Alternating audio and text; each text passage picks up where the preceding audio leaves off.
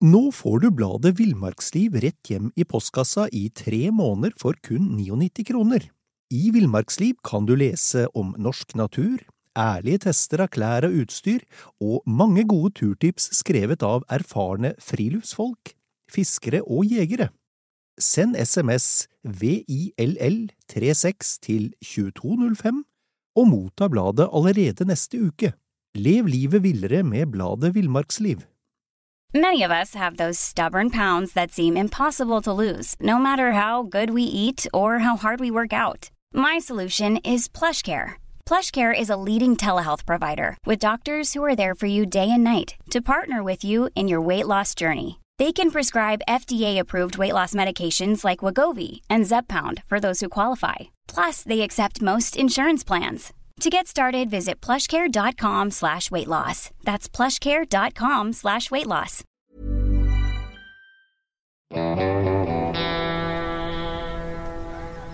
Velkommen til podkasten Villmarksliv. Mitt navn er Knut Brevik, og jeg er redaktør i bladene Villmarksliv, Jakt og Alt om fiske.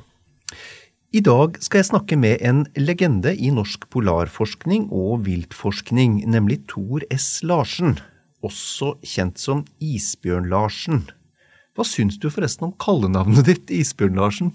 Ja, Det bare dukket opp en eller annen gang. Jeg vet ikke, det var Kanskje en assosiasjon til Shetlands-Larsen eller noe sånt noe. Men det har jo festet seg, da. Så det er ikke så mye jeg kan gjøre med det. Nei, det er det med kallenavn. Det er ikke så mye man kan gjøre med det. Men du, vi, vi, må, vi må starte med kronologien her. Har du alltid vært opptatt av natur og dyreliv? Det har jeg vel helt fra barnsben av, for å si det sånn. Og han som var nestor for meg, det var min gamle morfar. Uh, Georg Skibern, som var, var, direktør i Norske Skogselskap. Og han pleide å ta barnebarna ut på tur og peke og forklare, og samtidig si til meg 'løft bena, gutt, og tal tydelig'. Det sa han ikke sånn, så han var en bestemt herre. Ja. Men vi var veldig glad i ham, og det kom til å bety veldig mye for meg. Akkurat. Det begynte med det. Og så I skoledagene da, så var jeg interessert, og så fikk jeg helt tilfeldig en, en, lektor som var veldig interessert i biologi, og så at jeg var interessert i biologi. Og han var en, en stimulans på mange måter. Og Det tredje var at jeg var veldig interessert i fugl. Ringmerking det måtte jeg drive med. Og en av de som inspirerte meg den gangen, det var Yngvar Hagen. Mm. Som var sjef for Statens viltundersøkelser. Han hadde skrevet boka 'Rovfuglen og viltpleien'. En tjukk 600-siders bok. Den ønsket jeg meg til konfirmasjon. En klassiker? Ja, klassiker, ja. Og der sto det mye interessant. Og da hadde jeg en dialog med Yngvar Hagen som var veldig ålreit. Han gjorde en ting som jeg prøvde å lære av. Det var at når jeg leste ting hvor han skriver at, at uh, hubroen hekker i Bohuslän, og jeg har en mistanke om at den kan hekke inn i Halden-trakten også. Jeg bodde i Halden en gang. Og så dro vi av sted da, for å finne hubro, og fant det. Og jeg skrev brev til Hagen. Og han var jo da en nestor, virkelig en legende på sin tid. Og han svarte alltid. Jeg fikk alltid hyggelige brev tilbake, og det var en kjempeinspirasjon. Så dro vi på Fokstemyra og fant rovfugl der, og jeg skrev brev til Hagen. Han skrev i boka si at hvis du henger opp en kattehuglekasse i haven, så kanskje du får det. Og jeg gjorde det, og skrev brev til Hagen. Så den tilbakemeldingen fra ham, og det jeg lærte av det, det er at når jeg da kom til sjels år og alder selv, og fikk henvendelser fra studenter med tindrende øyne og som var interessert, så svarte jeg dem alltid. Jeg prøvde alltid å ta meg av studenter og unge mennesker, skoleungdom, alt som henvendte seg og ville vite noe. Mm. Og jeg gjør den dag i dag. Jeg får jo fortsatt brev fra skoleklasser og sånt. Da prøver jeg å ta det alvorlig og svare. Det skal man ta seg tid til. Og, og, og, er det noen av de du har svart opp gjennom åra, som har gått veien videre og blitt uh, viltforsker? For da jeg satt på Polarinstituttet, så datt det jo inn uh, håpefulle studenter hele tiden. Og jeg prøvde å hjelpe dem med å komme til rette med, med Hvis de vil gjøre feltarbeid for hovedfag, f.eks. To av dem kan jeg nevne. Det ene var jo Rasmus Hansson, som nå sitter på Stortinget for Miljøpartiet og Jørn Thomassen, som jobber for Nina i Trondheim, de fikk gjort en, også en undersøkelse, en oppgave på isbjørn. Pål Presterud, som var eh, sjef for Statens naturoppsyn, han var en av de håpefulle. Eh, Lydersen og Ian Gjert. Så det var flere som kom innom. og det som har vært veldig hyggelig for meg, og ser at de har gjort det veldig bra og passert meg langt når det gjelder kunnskap og viten og innsikt og sånt. Så jeg blir litt ydmyk for mine tidligere studenter. ja. Du, jeg, eh, før, før, vi satte oss ned sammen nå, så, så begynte jeg å, å lese på CV-en din. Det er omfattende greier. Den er på syv tettskrevne sider, den. Er det det? Ja. Du, altså det, det, her er det veldig mye. Det er, eh, du har jo doktorgrad på isbjørn, det skal vi komme litt tilbake til. Du har skrevet åtte bøker. eh, 19, vært involvert i 19 filmproduksjoner. Eh, En aldeles masse vitenskapelige artikler. eh, Det er voldsomme greier. Du har ikke ligget på latsida. Nei, men det har vært hyggelig. vet du. Jeg har pleier å si at jeg er en av de heldige som har hatt en betalt hobby hele livet. Og da er det bare å stå på. Og, og nysgjerrigheten vekkes jo i, i kommunikasjon med andre forskere og vennskap. Man får jo inspirasjon hele tiden. Så det med Det er bare å man, man står jo på fordi at det er hyggelig, og man gleder seg over det. Det er det. Er ikke fordi at man må. Nei. Så blir, så blir det som det blir. Og, og isbjørn. eh, hvordan, hvordan hadde det seg at du begynte, begynte å forske på isbjørn? Ja, da må vi gå litt tilbake, fordi hvordan havnet jeg i polarstrøkene i, in the first place? Eh, Jeg var ferdig med militærtjenesten i sin tid, og så skulle jeg ha en sommerjobb. og Så var det en venn som tipset meg om at Polarinstituttet de ansatte eh, assistenter. Og jeg durte ned der, og eh, der traff jeg Tore Gjelsvik, som var en ganske fersk direktør. Og han var en gammel motstandsmann og en flott fyr. Ble en veldig god venn etter hvert. Men han ville ha en assistent som hadde militær bakgrunn. Det hadde jeg. Og som kunne samband. Det kunne jeg. Så ble jeg ansatt som, som assistent. Og det var jo, ga jo mersmak. Jeg fikk jo den berømte polarbasillen. Og allerede da vi kom tilbake, så sammen med gode venner, så planla vi en, en studentekspedisjon til Svalbard for å drive med fugleundersøkelser. Og nestor der var Magnar Norderhaug, som også var en god venn og en legende. Han er dessverre død nå. Og da gikk vi til Tore Gjelsvik og sa vi vil ha studentekspedisjon til Hornsund. Og han sa ja. Hjalp oss med utstyr og transport og absolutt alt. Så han la seg veldig i selen for å hjelpe unge, entusiastiske studenter. Og det var en ganske vellykket tur på mange måter. Jeg kunne, gå, kunne snakke lenge om det, men det skal jeg plage ikke plage deg med.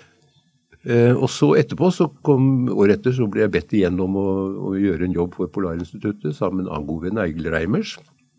Da var det reinsdyrriket. Så gikk de sånne småting frem og tilbake helt til jeg ble ansatt der som eh, så Jeg var sånn lauskamp, for å si det sånn, fram til 72. Da ble jeg ansatt på Polarinstituttet og var der helt frem til 85 i første omgang. Akkurat. Og isbjørnene, det som skjedde da, etter at jeg hadde vært hatt disse studentekspedisjonene, så gikk jeg til Tore Gjelsvik og sa at jeg kunne godt tenke meg å arbeide med isbjørn. Og, så, og jeg trenger hjelp. ikke sant? Da var jeg jo ikke ansatt. Og så sa han at ja, vi skal hjelpe deg med utstyr og transport og alt sånt, på én betingelse, og det at du tar sikte på en doktorgrad. Ikke at du skal få det, men du skal ta sikte på det. Det var en deal. Vi tok hverandre hendene på det, og så var vi i gang. ikke sant? Og De første årene så var det jo slik at når vi begynte med dette, og jeg var fortsatt ikke ansatt, så søkte jeg, jobbet jeg sammen med nær venn Nils Are Øresland, som også er en, han er dessverre død, han også. Og det var eh, feltekspedisjoner hvor vi søkte om midler fra alle mulige fonds og sånt, og leide ishavsskute selv og satte hele i gang. For det var jo et sånt nybrottsarbeid vi gjorde den gangen. Så det ballet på seg fra det år til år.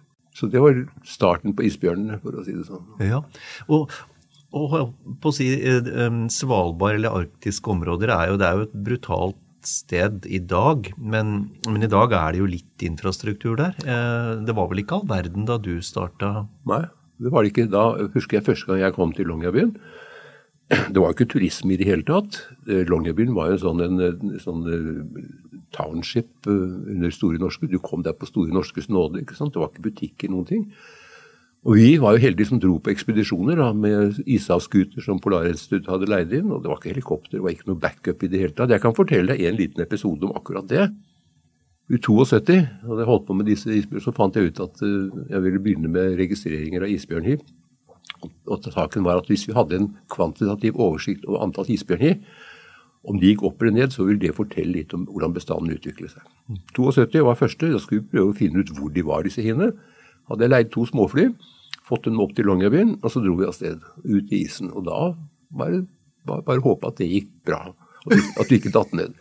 Så var det en episode vi fløy langt østover, langt ut i Storfjorden, langt fra folk. Og så fløy den ene maskinen, der satt Endre Rødvang, som var en veldig god pilot.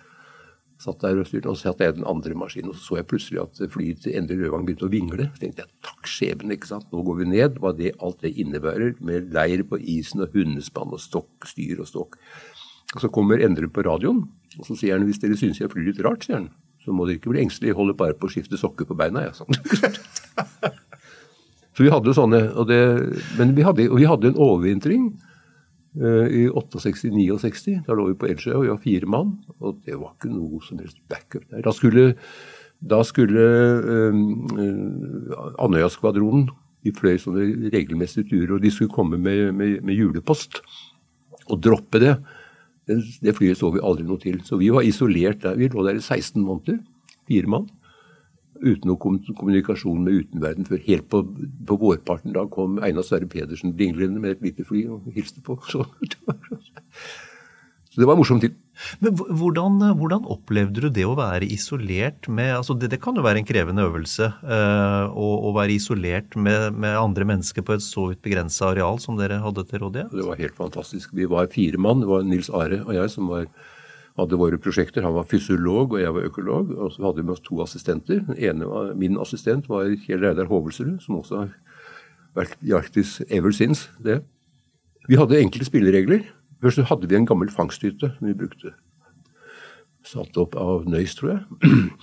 Og så bygget vi et, et sånt laboratorium ved siden av. Vi hadde, gjorde slik at vi hadde hvert vårt lille soverom. Det var ikke på mer enn halvannen gang to meter. Men der kunne du trekke deg tilbake. Mm ha litt privatliv. Eh, vi var enige om at vi skulle komme sammen til måltidene, og da kom du ikke i underbuksa. Du kunne gjerne komme i arbeidsklær, men det skulle være stil. Vi, eh, vi vi skal ikke drive med sånn skittprat og sånn den slags ting. Vi skal ha kultiverte samtaler og gjerne diskusjoner om både det ene og det andre. Men vi hadde altså visse spilleregler. Og så var jo veldig mye felt. da. Eh, Kjell Reidar og jeg var ute med hundespann i ukevis. og kom tilbake til leiren. Ja, det var helt fantastisk. Vi hadde det veldig ålreit, men det, en, det oppstod en situasjon hvor det som skjedde ute i verden, var helt uinteressant. Det som betød var hvordan det været. Er hundene fôret? Er skiene smurt? Sånne ting. Og det, det var jo da at de Gaulle gikk av som president. Du hadde jo studenturolighetene og sånt noe. Og på vårparten i, i, i, i 69 så landet jo første mann på månen. Det var, det var sånn, Jeg hørte med et halvt øre. Så det var en veldig isolert og merkelig tilværelse, men et veldig godt vennskap og kanskje et av de fineste årene jeg har hatt noensinne. Det var ikke noe krangel. Vi hadde diskusjoner, dypsindig, særlig når det stormet og blåste verst. Ja. så kunne vi ha sjakktrekk som varte i tre dager, og vi kunne ha lange diskusjoner for og mot dødsstraff f.eks. og ja. andre ting. Ja. Og så hadde vi et bibliotek. Vi hadde fått 400 kasserte bøker fra Deichman. Så, det, ja, så vi, vi hadde det bra. Men, men, men altså forskning, Isbjørn. Hva, hva, hva besto forskningen av i, i, praksis? Da jeg begynte, så var det spørsmålet at vi, vi visste ingenting. Det begynte med en, en, en, konferanse i Alaska i 65. Det første internasjonale isbjørnmøtet, hvor man var i et stort internasjonalt møte. og Da kom man til konklusjonen at vi vet veldig lite. Og Det kunne de bekrefte når gjaldt Svalbard. Den som hadde gjort forarbeidet der, det var eh, Odd Løne. som hadde gjort, Han var særlig interessert i fangsthistorie og sånn. Men det var ingen som, vi visste veldig lite om bestandens størrelse.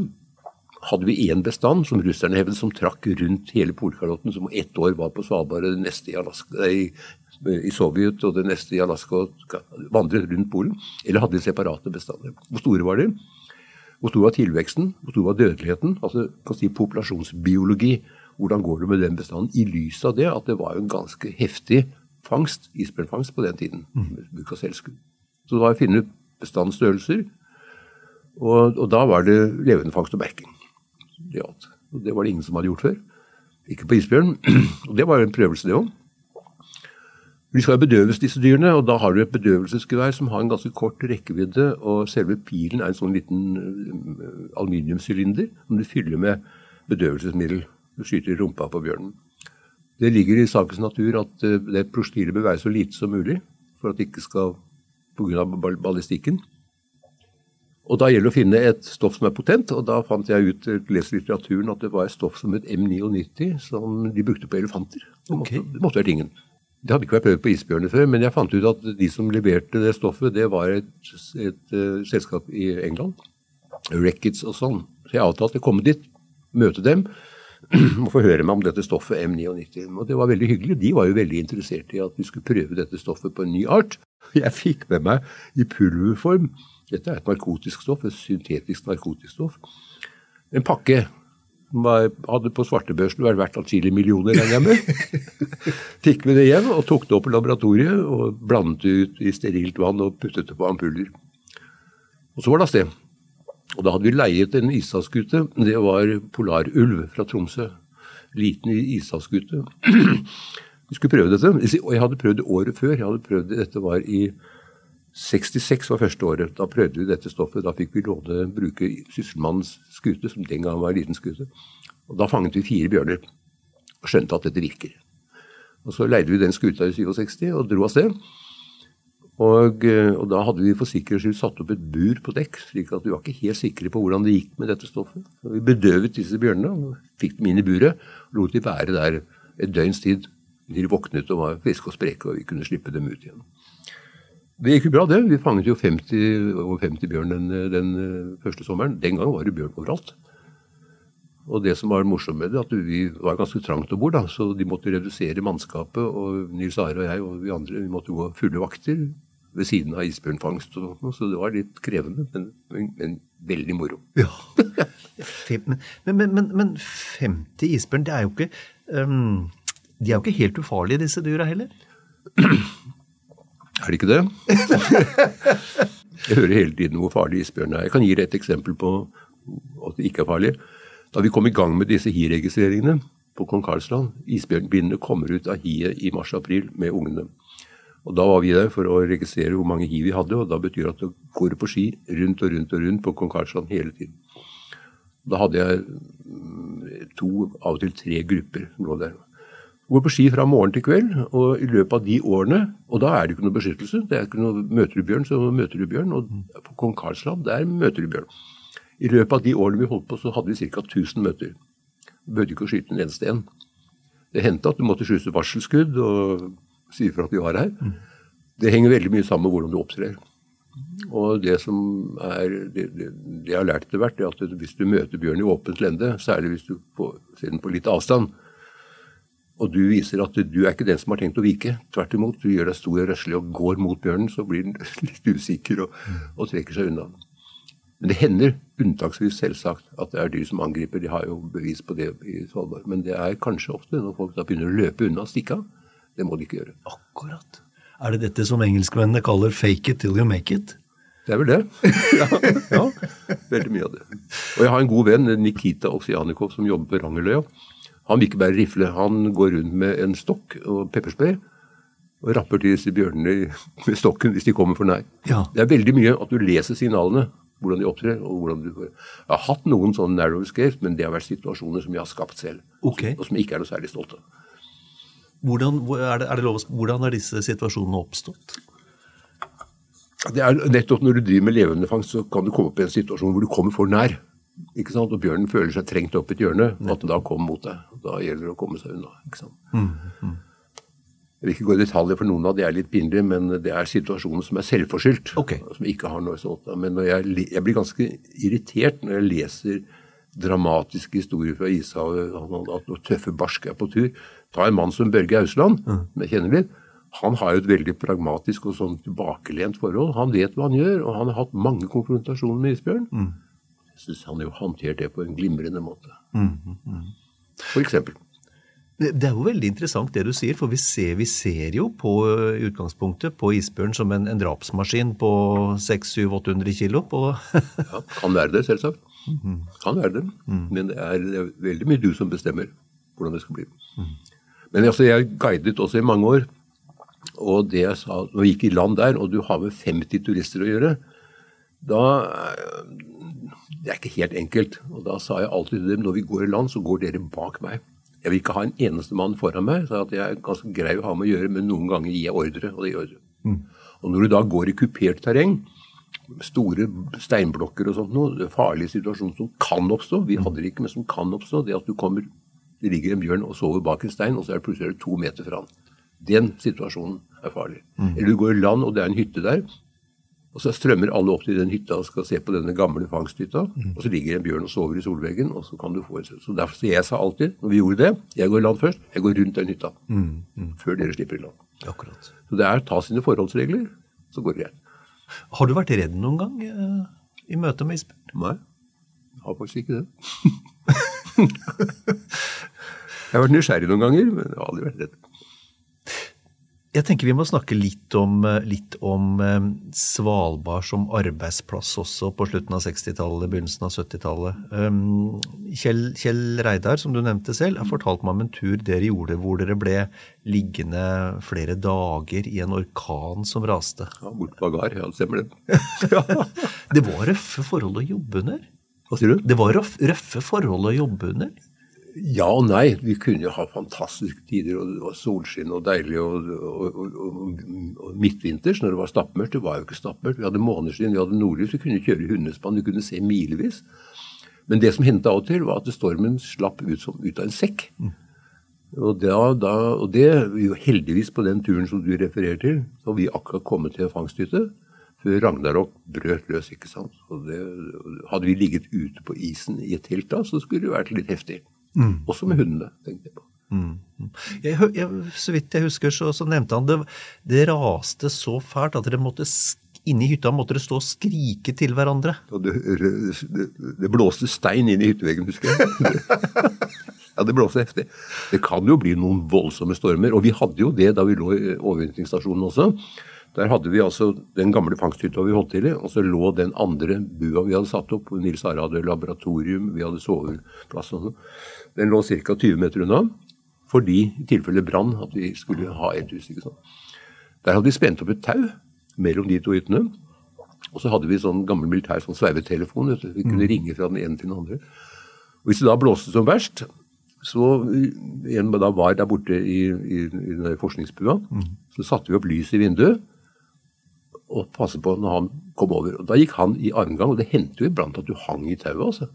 Rett ut i lufta, ikke sant? Og gikk armgang. Og hadde du da mistet taket, så hadde det gått gærent. Det var 20 meters avstand. Ja. 30 kanskje. Det var ikke lange biten. Men da hadde, vi- hadde vi det tauet spent ut. For du kunne, kunne gå armgang der. Det blåste.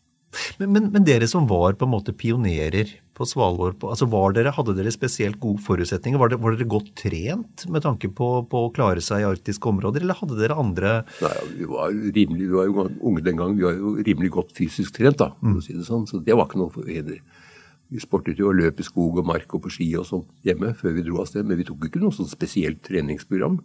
Men selve jobben var jo det at, som jeg sa, Kjell Herdal og jeg, vi var jo på, ute med hundene hele tida. Og kjørte over hele Elsjøya og Barentsøya og Storfjorden og frem og tilbake hele tiden. Så det med fysisk trening, det var ikke noe problem. Men du, jeg, eh, du, du var jo sentral i arbeidet med å få freda isbjørn, og, og i dag så virker jo det eh, utrolig, men, men inntil den ble freda, så, så, så, så, så kunne man jo Man arrangerte jo sånn turistjakter nærmest, hvor man kunne skyte bjørn fra, fra båt. Det var også, den, altså fangsten der foregikk på to måter på Svalbard. Det ene var selvskuddfangsten. Og selvskuddet er en kasse som eh, står på fire bein litt over bakken, og der ligger en rifle i den, og det et, øh, ligger et åte foran munningen, og en snor derfor at de avtrekker den. Så når bjørnen kommer og tar åter, så skyter den seg selv. Veldig effektivt. Det var overvintrende fangstfolk som drev på med det, og øh, værstasjonen, særlig Hopen, holdt på med det. Og så kom, på 60-tallet så kom safarijakten inn.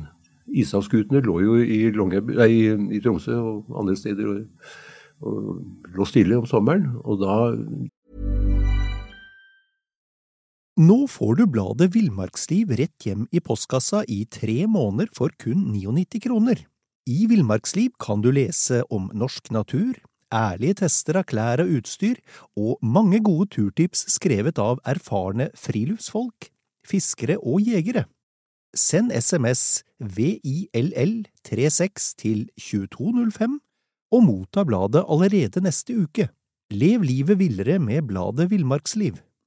Planning for your next trip? Elevate your travel style with Quince. Quince has all the jet setting essentials you'll want for your next getaway, like European linen, premium luggage options, buttery soft Italian leather bags, and so much more. And it's all priced at 50 to 80% less than similar brands. Plus, Quince only works with factories that use safe and ethical manufacturing practices. Pack your bags with high-quality essentials you'll be wearing for vacations to come with Quince. Go to quince.com slash trip for free shipping and 365-day returns. tok de med storviltjegere som ble med ut og betalte en heftig sum. Og Jeg var med som guide på denne turene for å se hvordan det foregikk. Og det var jo folk som hadde vært på storviltjakt i Afrika overalt, som bare skulle ha den siste isbjørnen. ikke sant? De ble litt skuffet selv, for du kjører med den så, etter en bjørn, og så kjører du helt opp av bjørnen under skutesida, så står du på dekk og skyter den. Det er ikke noe særlig. Så. Men det var en, en interessant inntekt. Og det ble skutt i de årene jeg holdt på, eller fra, fra etter krigen frem til jeg skrev mitt arbeid, så ble det skutt i gjennomsnittlig 314 bjørn i året. Ganske mye. Det var helt tydelig tegn på at den bestanden gikk tilbake. Mm. Og jeg fant også ut, og fikk bekreftet sidene, at den bestanden vi hadde på Svalbard, den henger sammen med den russerne har på Frans Josefland og Novaja Semlja. En felles bestand. Så jeg tok til orde for fredning. Og det var ikke noe spøk, fordi det ble jo et raseri det som var interessant sånn sosiologisk sett, som jeg skjønte, det var at uh, isbjørnforskning er ikke bare om biologi. Det har også, Du må ta hensyn til økonomi og sosiologi og politikk og alt sånt. Det var en antagonisme overfor oss som holdt på med dette, en motstand. Og det gikk på, det gikk på forskning, fangst. Det gikk på alder den gangen. Den jyplingen som skulle blande seg opp i det som vi ishavsfolk vet alt om. Nord-sør. Så det var sånne motsetninger. Og det var et raseri og det var ganske heftig. Jeg ble jo skjelt ut. Eh, det gikk så langt til og med at det var, eh, var det, var det arbeidet jeg holdt på med oppe som grunngitt spørsmål i Stortinget. Er det noe vits i å drive og plage disse bjørnene som disse gutta holder på med? ja, og det, og det det førte til Jeg nevner én ting som jeg syns var kjempeinteressant. Det var rundt 1970. Da var det jo mange mennesker som bodde i Longyearbyen da. Det var jo bare sånn township. ikke sant? Da ba jeg om å få holde et foredrag i Longyearbyen om isbjørnforskningen. Og Da var det vel kanskje 800 mennesker som bodde der. Og Det eneste lokalet som passet, det var kirken. Og der kom det i hvert fall 500. Og de var klare til å skjære strupene opp med alle sammen. Jeg holdt ved. Eh, men det ble forsoning etterpå da, på kroa. Vi drakk øl og var gode, gode venner og sånn. Jeg forklarte hvorfor vi gjorde det, det, men det var altså en aggresjon fordi at isbjørnfangsten skulle stoppes. Og Det som slo meg etterpå, det var at da først fredningen kom, i 73, så gikk det kort tid før det var mer eller mindre akseptert. Jeg tenkte hva, hva, hva er det som skjer her, hva, skyldes det? Og Forklaringen, tror jeg, jeg er ikke sosiolog, men forklaringen er at Longyearbyen har et veldig stort turnover. De mangler en stor grad historie. De menneskene som kommer der, er der en tre-fire år, og så reiser de hjem. Mm. Du har en hard kjerne av folk som har vært der bestandig hele livet. Og Det betyr at samfunnet blir på mange historieløst. Og det betyr at da aksepterer de denne fredningen. Du tar for deg bygdesamfunnet eller reinsjakt der, så for eksempel, der husker jo folk tilbake i generasjoner hvordan det var i bestefars tid. ikke sant? Urett glemmes aldri? Aldri. Nei, det gjør ikke det. Så du har en helt annen sånn sosial situasjon mm. i bygdesamfunn kontra det i Longyearbyen. Tok litt tid før jeg skjønte det, men nå er det ikke noen som vil tenke på å begynne med bjørnejakt i det hele tatt. Altså, Før du engasjerte deg i, i, i dette arbeidet, og som du sier, det ble jo, det ble jo isbjørn ble freda i i, i 73 Sovjetunionen, har jeg lest meg fram mm. til, forbød isbjørnjakt i 56 allerede. Ja. Men, men, hvor mange i, i, i, forkant av 73, hvor mye bjørn tror du det var igjen? Det var rene spekulasjoner. Det var tall på, på sånn verdensbasis at vi hadde en bestand på ca. 25 000. Og det var guided guess, det var ikke noe gode tall. Men på Svalbard, som jeg fant ut med mitt arbeid, i da isbjørnforeningen kom i 73, så var den bestanden Svalbard, Frans Josefland, Noaya Semlja, tipper jeg beregnet videre ca. 2500 dyr. Okay. Og Når vi da tar 300 dyr ut i året altså Poenget er at en isbjørnbestand kan i beste fall tåle en beskatning på 4-5% og beskatningen var tre ganger så høy. Så det var ikke tvil om at det gikk den gale veien. Så den fredningen kom i grevens tid. Så kom fredningen, og, så, og da kommer disse med hi-registreringene inn. For da var min hypotese at hvis fredningen virker, at du får flere dyr, så vil du se det i økning i antall hi. Så da drev med hi-registreringer på Konkarsjan i 15 år. ikke sant? Mm. Fantastisk. Ligger der i to måneder og går på ski ti timer om dagen. Og bor i en hytte som er ganske kummerlig, for å si det sånn. Eh, så jeg fikk bekreftet det. Og jeg beregnet bestandens økning på i 85 til å kanskje være oppe i 3500-4000. Det var litt optimistisk. Det var vanskelig å beregne bestanden den gangen. Men det var en økning, det er ikke tvil om det. Og så etterpå, det var ingen som tenkte på klimaendringer den gang. Det har kommet etterpå. Og det har svære konsekvenser, fordi min hypotese Jeg er jo ikke aktiv lenger, men jeg sier at en ting er at mindre is, mindre sel. Eh, det som er det aller viktigste, er at disse isbjørnbindene som er gravide, de søker til land i oktober-november. Nord nordsiden av Nordøstlandet, Edsjø, Kong Karlsland og sånn. Gravid hi føder to unger ved juletider, kommer ut i mars-april. Hvis det ikke ligger is inntil disse øyene, så kommer det ikke i land. Altså du får ingen hi. Og det fikk vi bekreftet, har vi fått bekreftet på Kong Karlsland, hvor vi i, de glansdagene da vi holdt på, hadde på de to øyene der borte, er liten øygruppe som ligger langt øst, hadde 40-50 hi. Og på Kongsøya så hadde vi, hadde vi, det var det viktigste området, hadde vi en 30, kunne ha en 30 hi. Et område der som heter Bogen, hvor Rasmus Hansson og Jørn gjorde sitt studie, de hadde en periode der hvor de hadde kunnet sitte og observere 20 bjørnehi samtidig. Og Den har vi fulgt lenge, og den, den uh, antall hi der gikk ned i, i, tidlig på, på 2000-tallet. Jeg, jeg, var der i 2009 og lærte opp en fra Polarinstituttet. Det var et normalår, masse is. Årene etter var det mindre og det ble sett 15 hi, 11 hi og 2. Og Hopen, som har hatt isbjørnhi, de har ikke hatt isbjørnhi der siste nå, når isen er borte.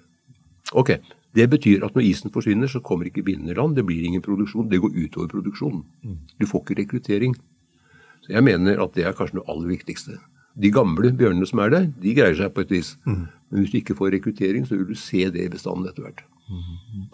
Hva, hva, er situasjonen for isbjørn i dag? Sånn, sånn, antallsmessig, Hvor stor bestand snakker vi om i dag? Jeg vet ikke. Da må du snakke med Jon Aars og de som holder på med dette nå. Men mm. uh, jeg har ikke sett noen nylige anslag. De har snakket sist jeg hørte noe, fra, og det har vært tall for en åtte-ti år siden, så snakket de om et par tusen dyr i samme mm. bestand. Mm. Mulig. Men uh, vi får se det, hva som skjer. Jeg er bekymret. Hva, hva, hva, tenker du da eh, om, om, isbjørn, basert på det du vet fra, fra dine mange år som Det blir mye gjetting. fordi Hvis du går tilbake i, i, i jordens historie mm. Isbjørn er kanskje eh, Man diskuterer er den enten 1 millioner år gammel eller 600 000 år. En forholdsvis ung art. Den krysses, eh, hvis den krysses med brunbjørn, så gir den fertilt avkom, så de er veldig nær. Det er at det har jo vært perioder da, hvor det har vært mye, mye varmere, og de har overlevd. De har greid seg på et eller annet vis. Det jeg har fått med meg, at De fleste forskere mener nå at når isen forsvinner, så er håpet om at det vil fortsatt være is den, på de nordlige canadiske øyene. At det vil være en sånn restbestand der oppe, hvis det går riktig ille. Eh, men eh, jeg tror vi må se i øynene at Svalbardbestanden kan forsvinne. Det kan Men det blir gjetting. Mm, mm. Jeg har ikke forutsetning for å legge noe tall eller noe data her. Nei. Ok. Um fra, fra isbjørn så skal vi foreta et lite sprang over til, til Afrika, vi. altså, hvordan i himmelens navn havna du i Afrika som viltforsker? Nei, altså jeg pleier å si at livet er en eneste sammenhengende serie av tilfeldigheter. Det var jo en tilfeldighet at jeg begynte å jobbe i Arktis. Det var en tilfeldighet at jeg hadde en god venn som Tore Gjelsvik som lot meg jobbe med isbjørnene. I 85 så hadde jeg fått ferdig med doktorgraden, hadde en bak meg og fått frem flinke studenter. Så tenkte jeg det er på tide å gjøre noe annet. Og så gikk jeg til Norad, hvor jeg hadde en god venn, Arne Dahlfeldt, og sa til ham at jeg er klar for Afrika. Og han syntes det var ustyrtelig morsomt. Han sa vi kan ikke bruke deg til noen ting, sa han. Du kan jo bare iskerne. og så sa jeg at ja, nei, men Arne, jeg er økolog, og økologiske prinsipper er de samme under alle himmelstrøk. Jeg skal lære meg å se forskjell på isbjørn og løver i løpet av relativt kort tid. Så satt han og tenkte seg om, sa han ja. Og så sendte han meg til Zambia på et oppdrag der.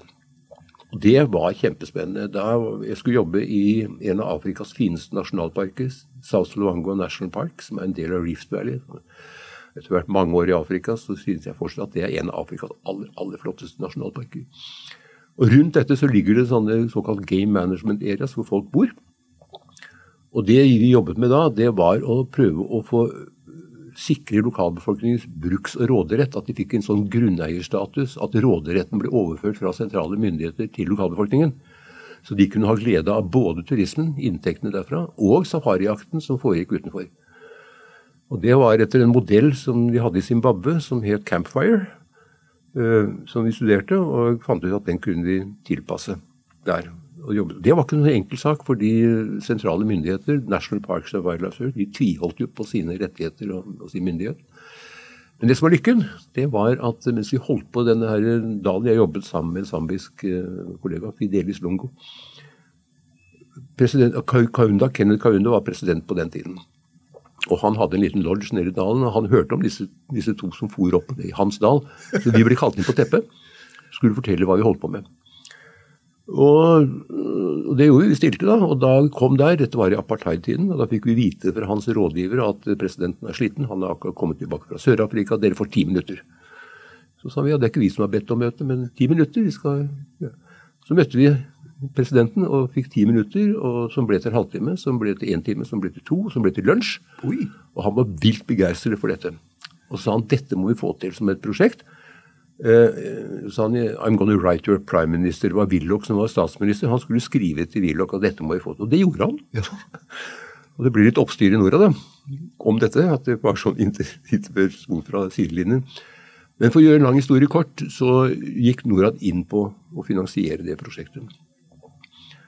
Og det Fidelis og jeg trodde at vi fikk dette opp og gå, så ville det ta ca. fem år, så ville det være selvfinansierende.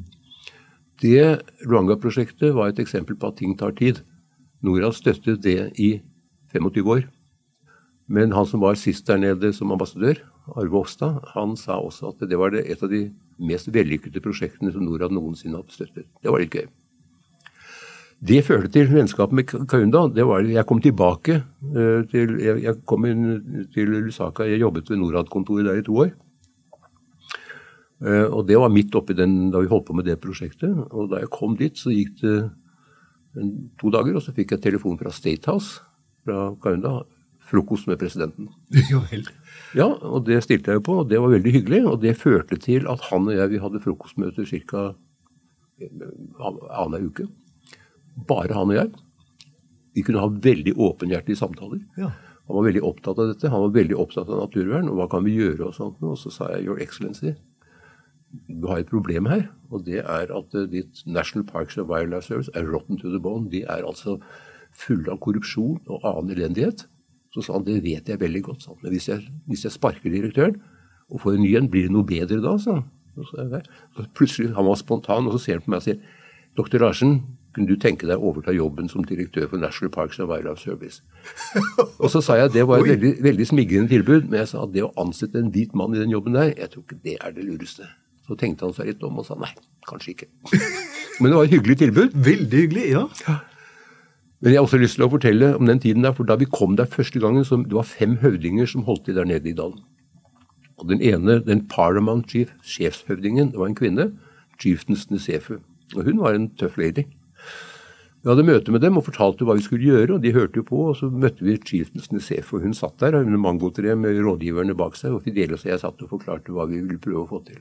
Styrke lokalbefolkningen. Hun satt der tilbakelent med halvlukkede øyne og hørte på oss, og sa hun vi har hørt dette før. Det gjenstår å se at det blir noe av. Det var jo klar tale.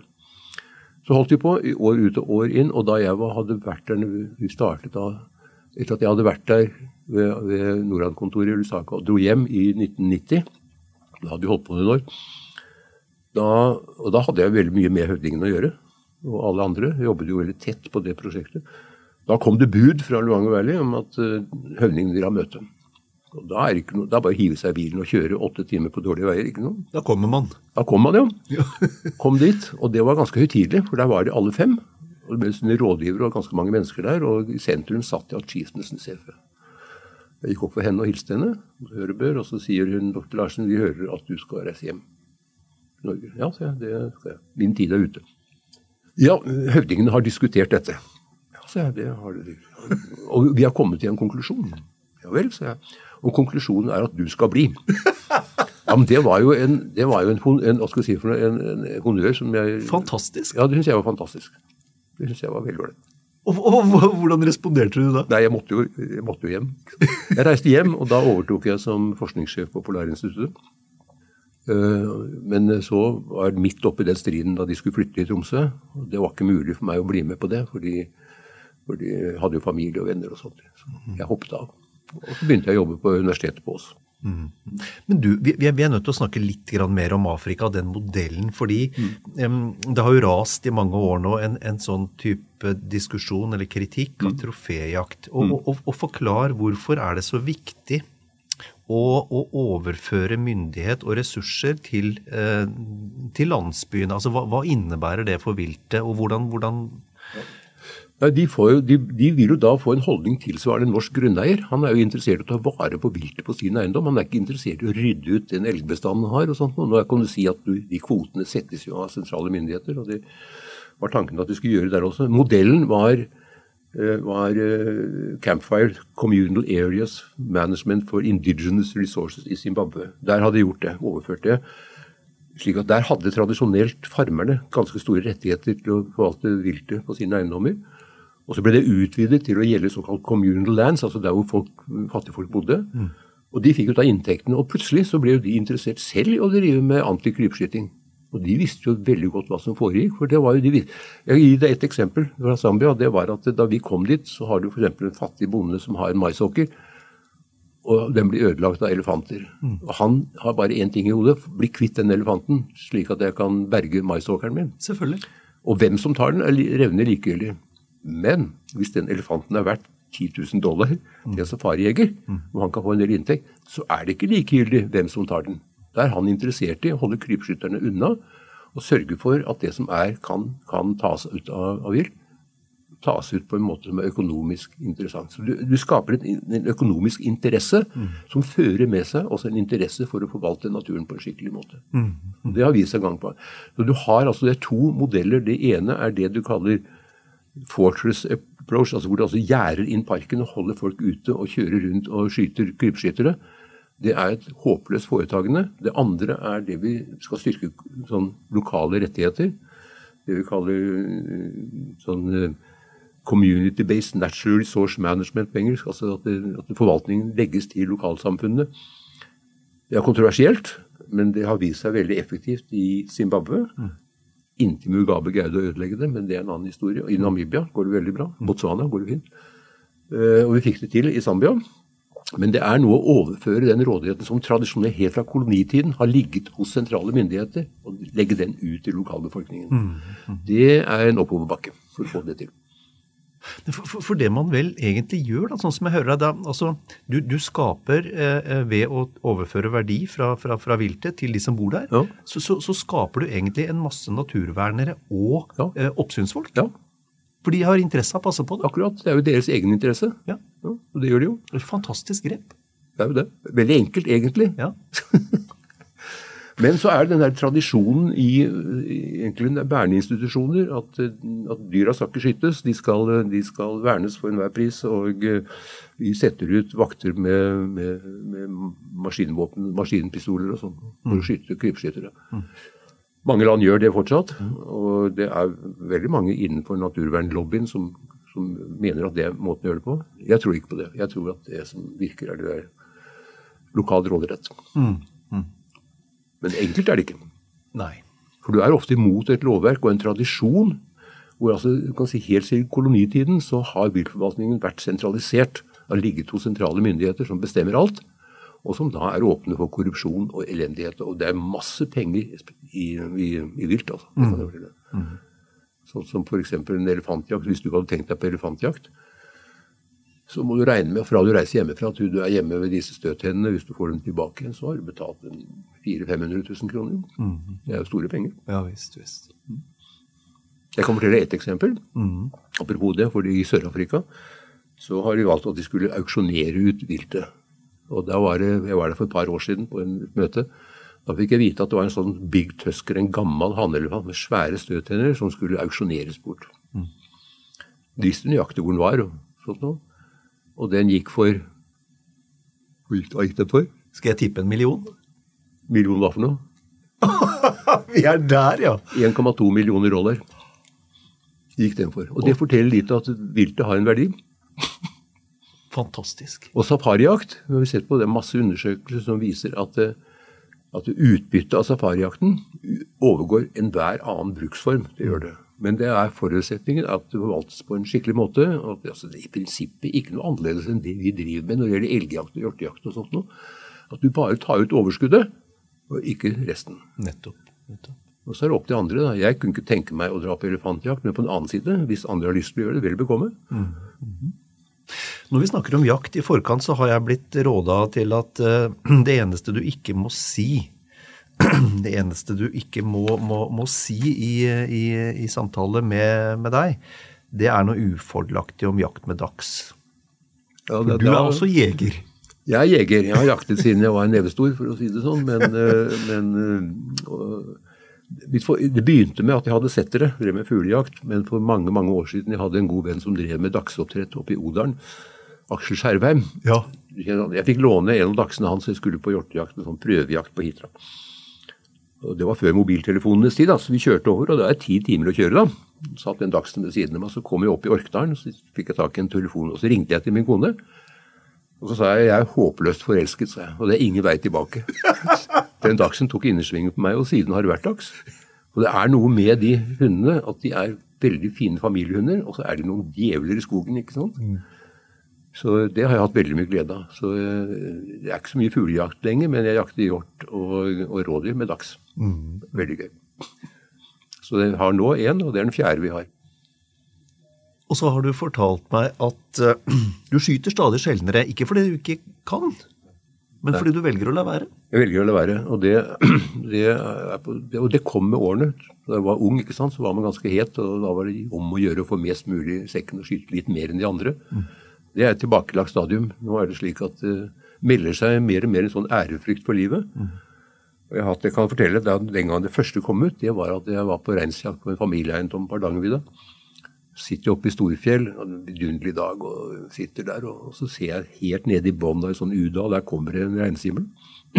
og jeg lister av meg jervenduken og tenker at når du kommer opp der og setter foten på den steinen 70 meter unna, da smeller det. Og det tok en halv time. Frem og tilbake, og jeg så den, den simla kikket opp i fjellsiden og beitet litt og gikk litt frem og tilbake, og så kom den da omsider. Stilte seg på den steinen med breddsiden til. Dønn stille. Og jeg skjøt, og den datt rett ned. Og I samme øyeblikket det dyret da, så tenkte jeg hva er det jeg driver på med? Det, det. Så jeg har hatt noen sånne episoder etterpå at jeg har stått rett overfor viltet og tenkte at det, får bare gå. Når jeg skyter, så er det sånn at da skal jeg i hvert fall være 180% sikker. Skyter aldri på løpende dyr. Skyter aldri på lengre hold enn 50 meter. Hvis jeg skyter i det hele tatt. Jeg lar den gå videre til neste post. Losen har du like fullt glede av. Jeg har veldig glede av å gå med hunden. Posten er ute, og jeg slipper hunden. Og da losen går, og jeg sier fra at nå har vi, nå har vi los her, og det går mot Pål. Pass på, hold i børsa, det går mot deg. Pang. Det har jeg glede av. At jeg hører smeller der borte. Ja. Og sier fra det, ikke gå frem til fallet. La hunden få lov til å komme frem først. Veldig gøy. Eh, Tor Larsen, tusen takk for en hyggelig prat.